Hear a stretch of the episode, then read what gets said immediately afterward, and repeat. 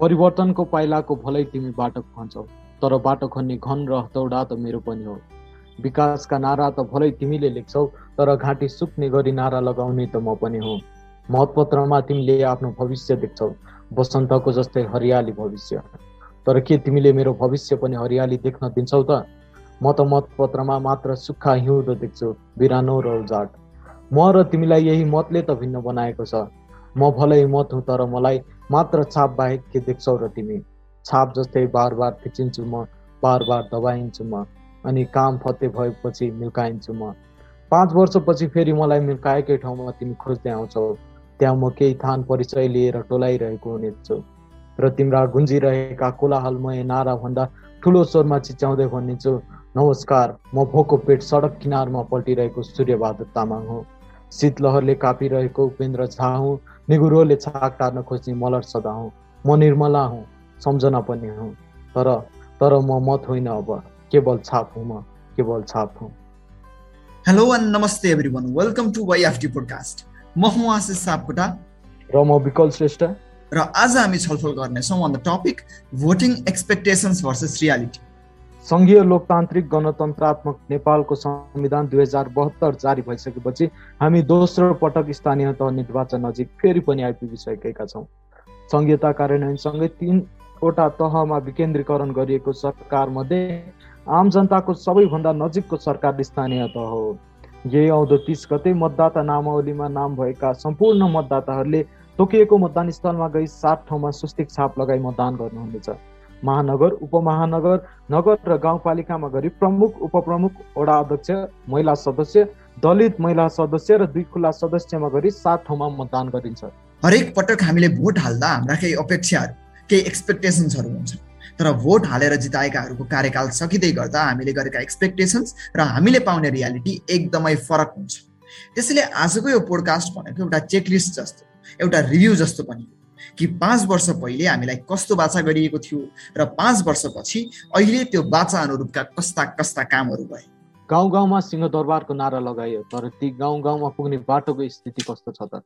हामीले कालोपत्रे सडक र सबै स्थानीय तहमा सडक सञ्जालको पहुँचको अपेक्षा गरेका थियौँ। तर जब जब सडकको कुरा गर्छु मलाई दार्चुलाका जयसिंह धामीको याद आउँछ। ती जयसिंह जो आफ्नै गाउँदेखि सदरमुकामसम्म पुग्न सडक सञ्जाल नहुँदा महाकालीमा हेलिन बाध्य भए। वास्तविकतामा दुई सय एक्काइस स्थानीय तहमा कालोपत्रे सडक नै छैन भने अझै पनि एक्काइस स्थानीय तहमा सडक सञ्जाल नै पुगेको छैन अर्थात् सडकको ट्र्याक नै खोलिएको छैन। जहाँ बाटो छ त्यहाँ पनि खाल्डा खुल्डी हिलो र धुलो मात्र छ। बालुवाटारमा स्विच थिचेर हामीलाई कालोपत्रे सडकको सपना त भव्य रूपमा देखाएको छ तर वास्तविकतामा के छ भने त्यो सपना साँच्चै नै मात्र सपना जस्तो भइरहेको छ।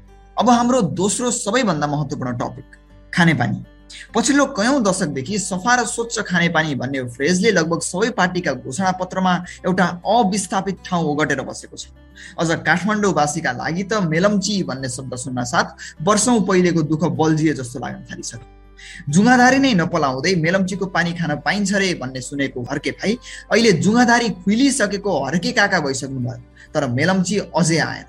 मेलम्ची खानेपानी परियोजना सुरु भएको चौबिस वर्ष भयो र काठमाडौँवासी चौबिस वर्षदेखि मेलम्चीको आशमा छन्। बारम्बार उद्घाटन हुन्छ तर फेरि एउटा नयाँ समस्या आइपर्छ। खानेपानीको जब जब विषय उठ्छ तब हामी काठमाडौँको त कुरा गर्छौँ। तर के तपाईँलाई थाहा छ पैँतिस लाख मान्छे देशभरि बेसिक खानेपानीबाट वञ्चित छन् र नेपालमा पिइने कुल पानी मध्ये एकहत्तर प्रतिशत पानीमा ई. कोली ब्याक्टेरिया पाइन्छ। म मेरो भोटमा एक ओडा एक एम्बुलेन्स भने सबै पार्टीको घोषणा पत्रमा लेखिएको नारा केवल नारामा मात्र सीमित नहोस् भन्ने अपेक्षा राख्छु।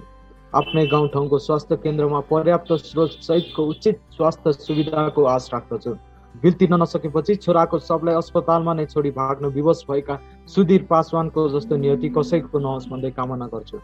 तर एमाले आफ्नो घोषणा पत्रमा महत्त्वपूर्ण मानेको सतहत्तर साल मङ्सिर पन्ध्रमा एकैचोटि तिन सय छयानब्बे स्थानीय तहमा शिलान्यास गरेको स्वास्थ्य चौकीका त अझै पनि जग नै खनिएको छैन। वास्तविकता के छ भने छ हजार सात सय त्रिचालिसवटामा मात्र दुई हजार दुई सय सन्ताउन्नवटा एम्बुलेन्स छ। स्वास्थ्य चौकी र सरकारी अस्पतालको स्थिति भयावह छ भने निजी अस्पतालको शुल्क आकाशित छ। वास्तविकता स्वास्थ्य चौकीको अभावमा बाटैमा बच्चा जन्माउन बाध्य भएकी आमाको तस्बिर सामाजिक सञ्जालका भित्ताहरूमा केही दिन भाइरल हुन्छन् अनि फेरि हराउँछन्।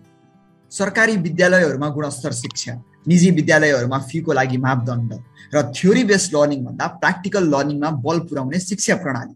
हामी सबैको टप नच अपेक्षा र सबै राजनीतिक दलहरूको टप नच प्रतिबद्धता पनि थियो। तर प्रतिबद्धता गरेको वर्षौँ बितिसक्दा पनि हाम्रो शिक्षा प्रणाली अहिले पनि उही अठारौँ शताब्दीको इन्डस्ट्रियल रेभोल्युसनवाला ताकाको रिड एन्ड रिमेम्बरवाला मेथोडोलोजीमा बेस छ। साथै पैँसठी प्रतिशत विद्यालयहरूमा त बिजुलीको पहुँच पनि छैन।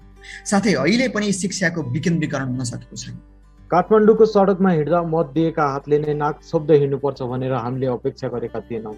फोहोर मैलाको वैज्ञानिक तरिकाले उचित व्यवस्थापनको अपेक्षा गरेका थियौँ काठमाडौँ उपत्यकामा हरेक दिन बाह्र सय टन फोहोर उत्पादन हुन्छ। जुन नुवाकोटको सिस्टोल स्थित ल्यान्डफिल्ड साइटमा अव्यवस्थित तरिकाले फालिन्छ। फोहोरका कारण सिस्टोलवासी आन्दोलित छन् भने काठमाडौँका चोकहरू चाहिँ फोहोरका डङ्गुरले दुर्गन्धित हुन थालेका छन्। चुनावका नारामा सफा काठमाडौँको सपना देखाइन्छ तर वास्तविकतामा भने काठमाडौँवासी चोक चोकमा फोहोरको पहाड बनाउन बाध्य छन्। फरक फरक झिल्के नाराहरूले सजाएर हरेक पार्टीले हामी तपाईँलाई रोजगार दिन्छौँ भनेर प्रचार गरे। बेरोजगार भत्ताको पुल बाँधे र स्वरोजगारको सपना देखाए तर अझै पनि हामी रोजगारी खोज्नको लागि पासपोर्ट अफिस बाहिर लाइन बस्नु बाहेक अन्य उपाय देखिँदैन देशमा चार दशमलव चार चार प्रतिशत मानिसहरू बेरोजगार छन्। र हाम्रो शिक्षा प्रणालीले रोजगारमुखी शिक्षा दिनै सकिराखेको छ। यो स्थानीय तह निर्वाचनमा अपेक्षा र वास्तविकता एक्सपेक्टेसन र रियालिटीले नयाँ मोड पनि लिएको छ। केन्द्रमा बसेका नेताहरूलाई अझै पनि पार्टी एकात्मक ढङ्गले नै चल्छ भन्ने अपेक्षा थियो। केन्द्रले टिका लगाएर उम्मेद्वारलाई पठाएपछि पार्टीका कार्यकर्ता आँखा चिम्लेर नै पछि लाग्छ भनी भ्रमलाई पनि वास्तविकताले ठुलो धक्का दिएको छ। स्थानीय तहका नेता केन्द्रीय गठबन्धनप्रति असन्तुष्ट छन् भन्ने कुरा त तथ्याङ्कले नै देखाउँछ। सात सय त्रिपन्न स्थानीय तहमा जम्मा अठाइस प्रतिशत अर्थात् जम्मा दुई सय नौ पालिकामा गठबन्धनको प्रयास सफल भएको छ भने गठबन्धन विरुद्ध सट्टा घटक पार्टीका कार्यकर्ताले नै विद्रोह गर्दै बाघी उम्मेदवारी दिएका छन्। यसले गर्दा राजनीतिक पार्टीलाई असर त पक्कै गर्छ। र अब केन्द्रमा बसेर एकात्मक तरिकाले सिन्डिकेट गरेर पार्टी चलाउने नेताहरूले यो बुझ्न जरुरी छ कि जनता र कार्यकर्तामा राजनीतिक चेत खुल्दैछ। दलको चस्मा उगारेर सही र गलत छुट्याउन सक्ने भइसकेका छन्। अब आजको हाम्रो टपिक भोटिङ एक्सपेक्टेसन्स भर्सेस रियालिटीलाई भिन्न दृष्टिकोणबाट हेर्ने हो भने महिलाको सहभागिता एउटा एकदमै इम्पोर्टेन्ट इस्यु उम्मेदवारीमा महिलाको सङ्ख्या व्यापक देखिए पनि के हाम्रा सबै दिदीबहिनीहरूसँग भोटिङ राइट्स छ त? हुन त नेपालमा भोटिङ सुरु भएसँगै महिलालाई पनि भोटिङ राइट्स दियो भनेर भनियो। तर आज पनि कतिपय स्थानमा एउटा महिलासँग वास्तविक भोटिङ राइट्स छँदै छैन। आफ्नो श्रीमानको भनाइअनुसार आज पनि थुप्रा महिलाहरू भोट हाल्न बाध्य छन्। त्यस्तै चुनावपछि यति कुराहरू भइदियो हुन्थ्यो भनेर एक्सपेक्ट गर्ने हामी जनताले भोट हाल्दा कतिको विवेक प्रयोग गर्छौँ।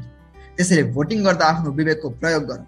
कुन उम्मेद्वारले आउँदो पाँच वर्षमा तपाईँको ओडा नगर महानगर या गाउँपालिकाको काया पलट गरिदिन सक्छ भन्ने कुरालाई चिन्तन गरौँ मनन गरौँ र उसैलाई भोट हालौँ।